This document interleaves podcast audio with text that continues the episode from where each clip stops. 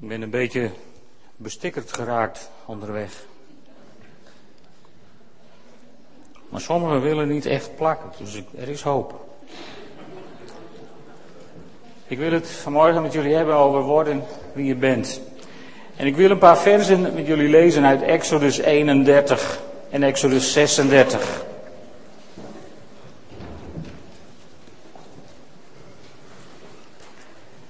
Exodus 31 en dan twee versen uit Exodus 36.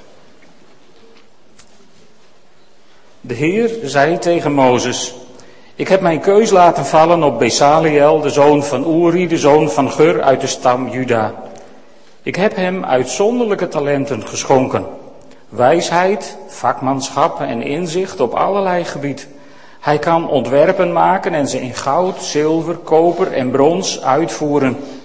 Hij kan stenen snijden en zetten en hout bewerken en hij beheerst ook allerlei andere vaardigheden. O Holiab uit de stam van Achisamach uit de stam Dan stel ik als zijn medewerker aan. Allen die hun vak verstaan heb ik wijsheid geschonken, zodat ze alles kunnen maken waartoe ik opdracht heb gegeven. En dan Exodus 36, de eerste twee versen. Besaliel en Oholiab moeten alle voorwerpen voor de dienst in het heiligdom maken, precies zoals de Heer het heeft opgedragen.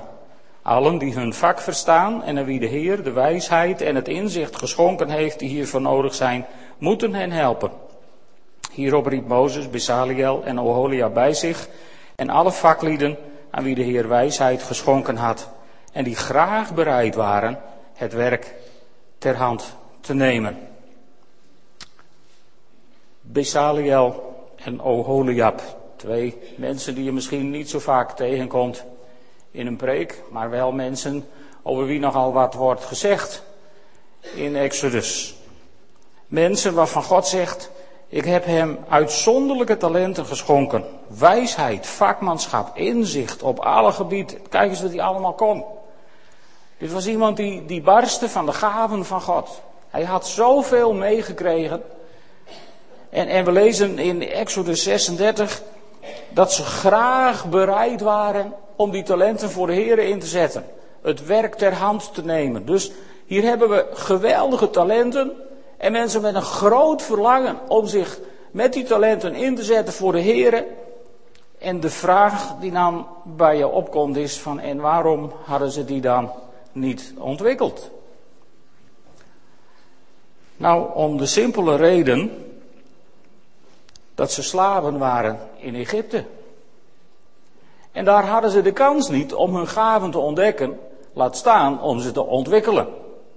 Misschien was het wel eens opgevallen dat Besaliel erg handig was in het bakken van stenen uit klei. Maar ja, dat deden ze allemaal. Want ze waren allemaal uit hetzelfde hout gesneden. En uh, ja, verder ontwikkelden ze geen talenten. Verder ontwikkelden ze ook weinig gevoel van eigenwaarde. Want ja, ze waren slaven. Een mindere soort. En ze hadden eigenlijk de handen vol om te overleven. Veel verder kwamen ze niet. En zo ontwikkelden deze mensen een slavenmentaliteit, waardoor hun, hun God gegeven gaven niet zichtbaar werden en niet ontwikkelden. En weet je, ook tegenwoordig kunnen mensen ernstig gehinderd worden in het worden wie ze zijn.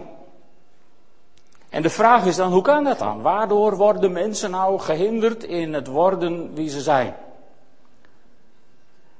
Daar kun je heel veel voor bedenken, maar het is eigenlijk maar één oorzaak echt aan te wijzen waardoor mensen niet worden wie ze zijn. En dat zijn woorden die in het verleden of in het heden over mensen worden uitgesproken. Als je als kind vaak genoeg hebt gehoord van met jou wordt het nooit wat, dan ga je dat geloven. Als je genoeg van die stippen opgeplakt hebt gekregen, dan wordt dat je levensstijl en ontwikkel je je niet tot wie je eigenlijk bent. En als mensen vaak genoeg kritische dingen over je uitstorten, dan ga je daarin geloven. Ga je nooit worden wie je bent. Aan de andere kant, als mensen je alsmaar de hemel inprijzen en je bestikkeren met sterren, dan ga je afhankelijk worden van goedkeuring. En op de dag dat je een keer geen ster krijgt, ga je heel depressief naar huis en denk je, wat heb ik vandaag fout gedaan? Ook dat verhindert je in het worden wie je bent.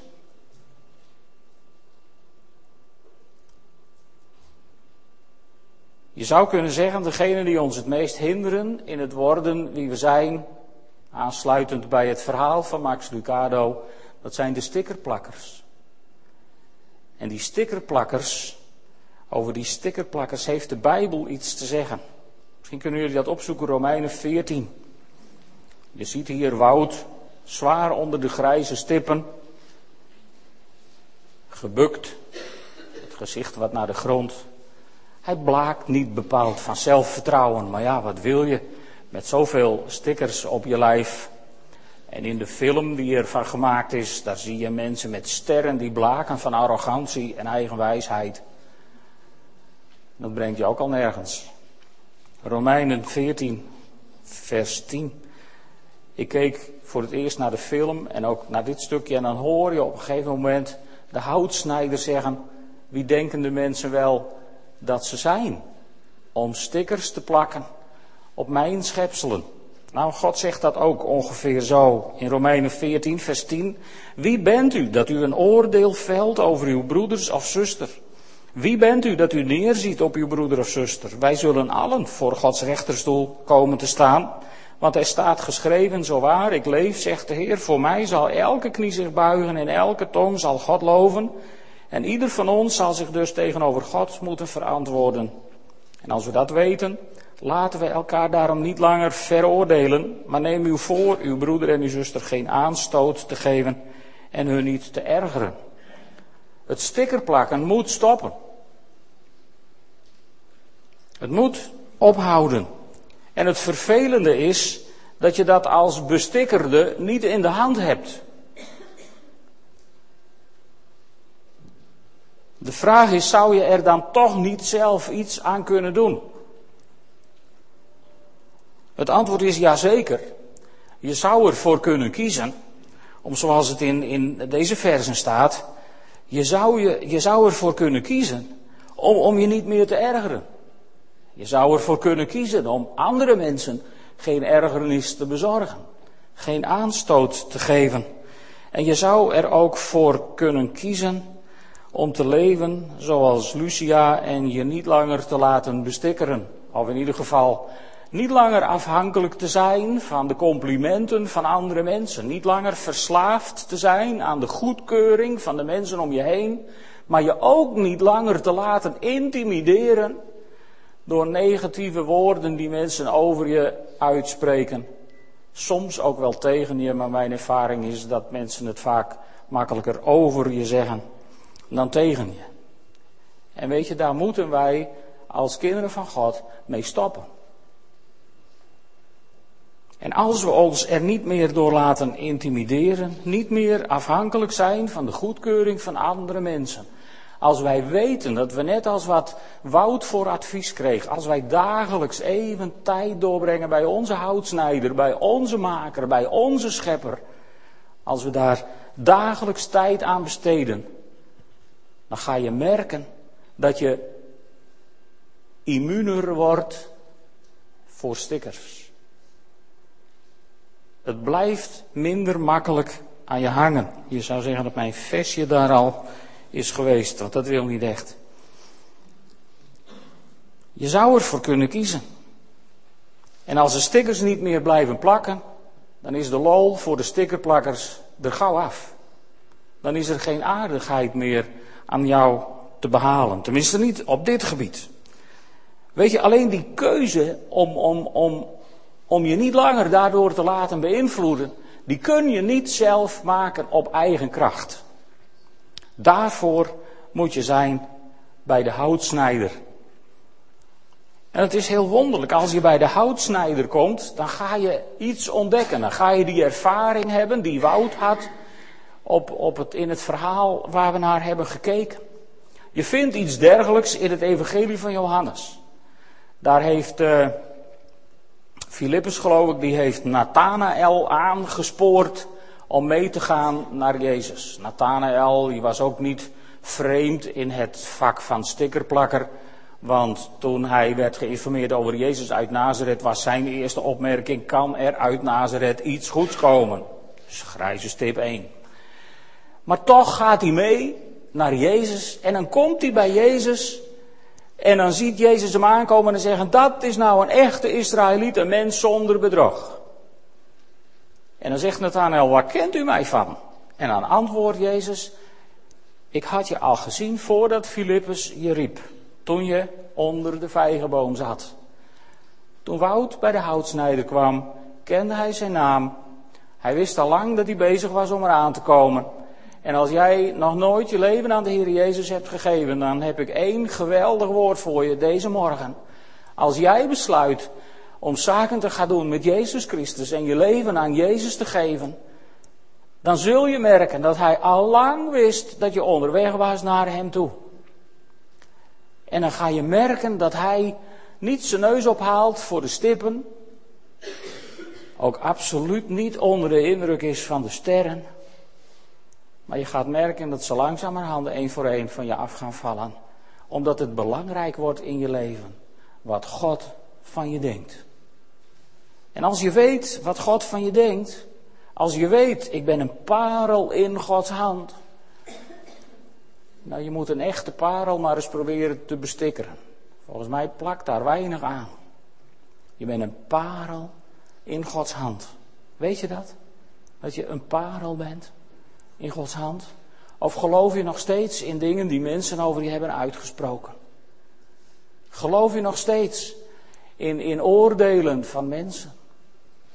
Ben je nog steeds afhankelijk van goedkeuring van andere mensen?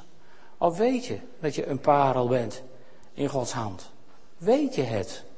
Niet alleen hier, maar hier bedoel ik. Is het afgezakt naar je hart? En weet je dat je een parel bent.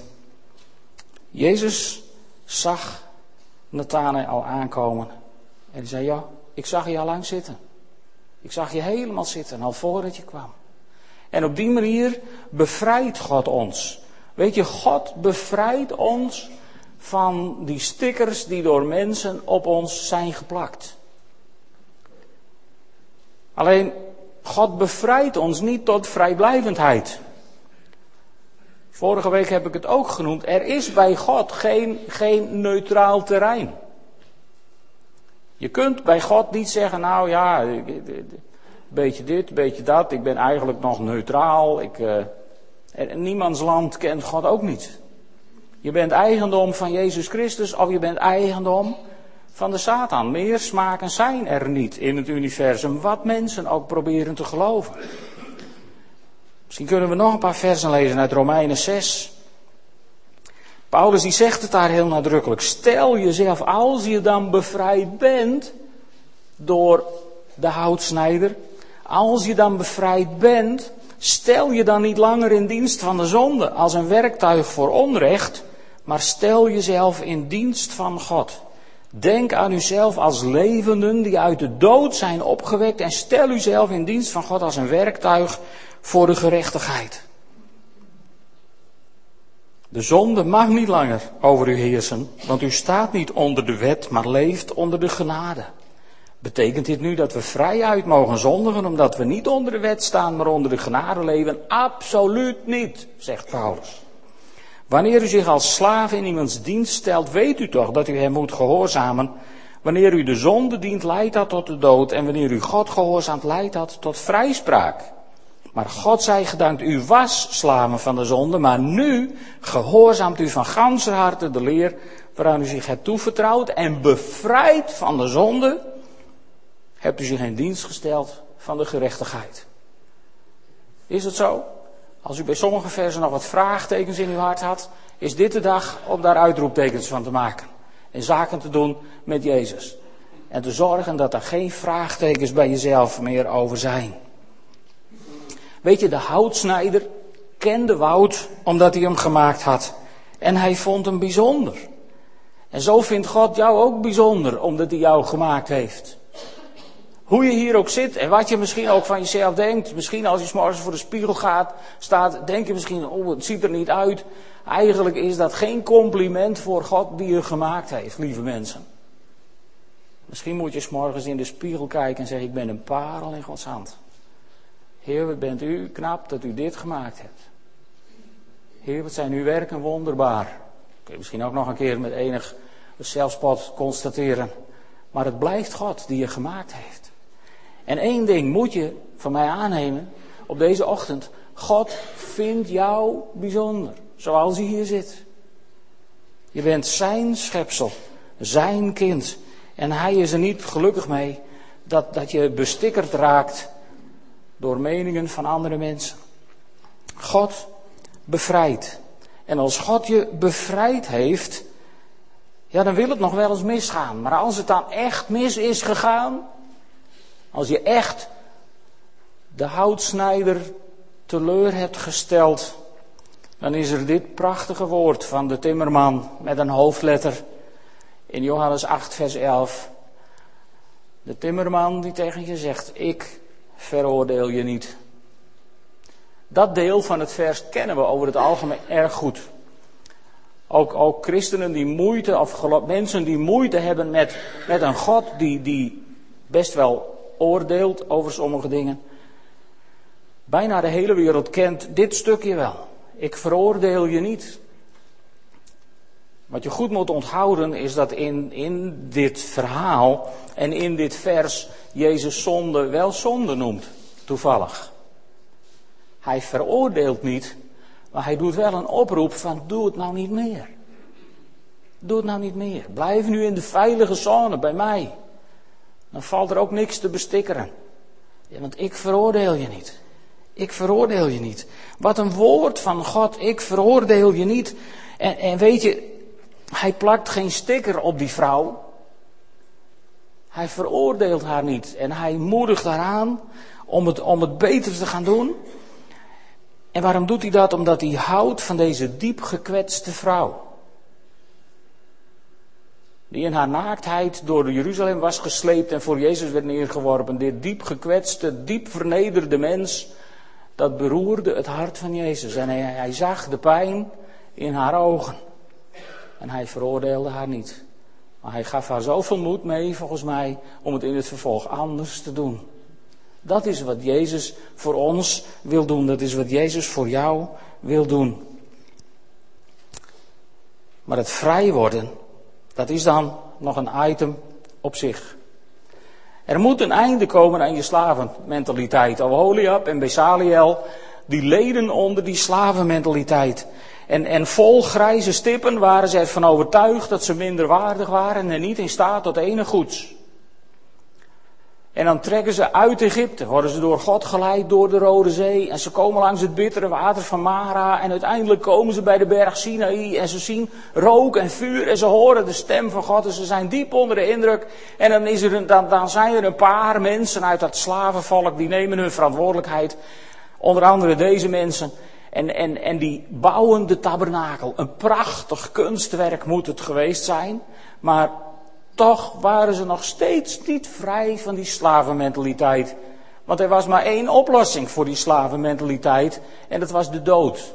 En uiteindelijk stierven ze in de woestijn om plaats te maken voor een nieuwe generatie die niet leed onder deze slavenmentaliteit. En als je het verhaal in Exodus dan goed leest, dan zie je van ze worden op een gegeven moment als de dood rondwaart in Egypte. Dan worden ze ondanks hun slavenmentaliteit gered door het bloed van het lam. Met Pascha. Daardoor blijven ze behouden voor, het, voor dat negatieve oordeel. Ze worden niet gedood, maar ze worden naar de vrijheid geleid. En dan zou ik je willen vragen, hoeveel grijze stippen of gouden sterren draagt u vandaag? Plakken ze nog steeds?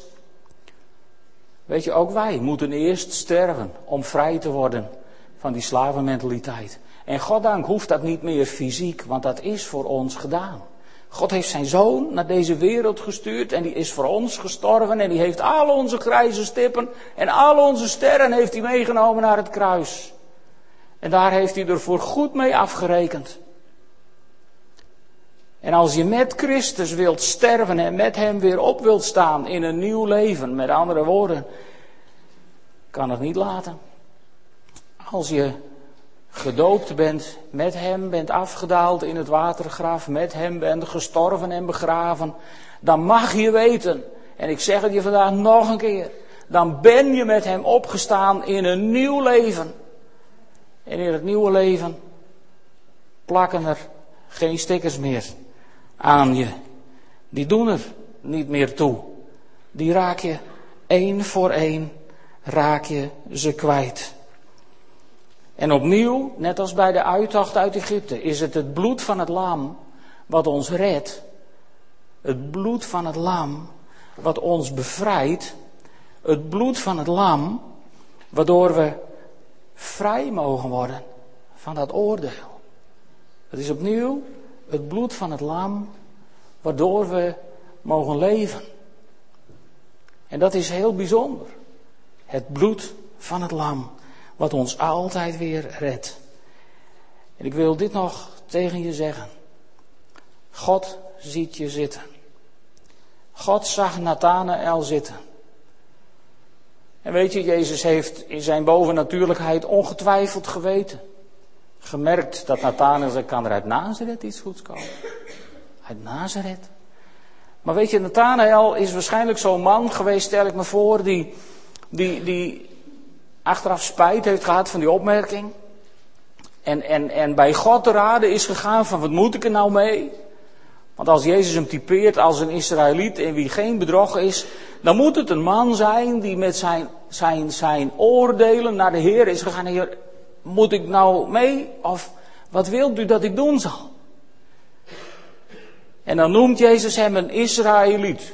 Nou, dat kan heel veel betekenissen hebben, maar als je het woordje Israël in drie stukjes uit elkaar rafelt, Is, Ra en El, dan gaat het over een man die worstelt met God. Daarom werd Jacob ook zo genoemd, de man die worstelde met God. En dan ziet Jezus Nathanael aankomen en zegt hij, kijk eens, dat is nou een man die heeft geworsteld met God. Die had wel een oordeel, maar in zijn worsteling met God is hij daar kennelijk overheen gekomen, is hij tot een andere mening gekomen en nu komt hij bij mij, nu komt hij tot Jezus. Is dat niet mooi? Iemand die durft te worstelen met God en aan het eind van zijn worsteling komt hij bij Jezus. En dan zegt Jezus niet, nou je was eerst wel wat negatief, Nathanael. En Jezus zegt ook niet, nou je hebt er wel lang over gedaan, Nathanael. Hij zegt ook niet, ik heb nogal wat op je moeten wachten, Nathanael. Nee, hij krijgt, hij krijgt, nou je zou bijna zeggen, hij krijgt een gouden ster. Maar Jezus is geen stickerplakker. Maar hij krijgt wel een compliment. Een Israëliet in wie geen bedrog is. En later schrijft Paulus, wie in Christus Jezus zijn, worden niet meer veroordeeld. Wat heb ik er ook mee nodig? Met al die stickers. Wie in Christus Jezus zijn, worden niet meer veroordeeld. Dus weg ermee. Zo. Wat doen we met al die dingen? Waarom laat je je nog bestikkeren door andere mensen? Waarom sta je toe dat andere mensen jou belemmeren in je functioneren en je beplakken met grijze stippen? Lieve vriend, wat heb je ermee nodig? Zijn ze er allemaal af? Nee, niet eens. Zo, weg. Wat heb je ermee nodig? God ziet je zitten. Dat is de boodschap van deze ochtend. En je mag om mij al het andere vergeten, maar als je dit nou onthoudt. God ziet jou zitten. Dat zag hij voor de grondlegging der wereld. Dat zullen we misschien nooit helemaal begrijpen. Maar begrijp dan maar dit, vanaf het moment dat je verwekt werd, zag God jou zitten. Had hij jou op het oog. En had hij een geweldig plan voor jouw leven. En dat was een plan zonder grijze stippen. Dat was een plan zonder gouden sterren. Dat was een plan in zijn heerlijkheid. En al die oordelen, die zijn weggedaan. Daar zijn we van bevrijd door het bloed van het lam. Dan heb ik het kruis maar rood gemaakt. En weet je, hoe meer mensen onbestikkerbaar worden, hoe groter de kans is dat ook de stickerplakker zich uiteindelijk gaat bekeren. En één ding wil ik tegen je zeggen. Je kunt het. Jij kunt worden zoals Lucia, waar geen sticker meer op plakt. Je kunt het, want er is kracht in het bloed van het lam.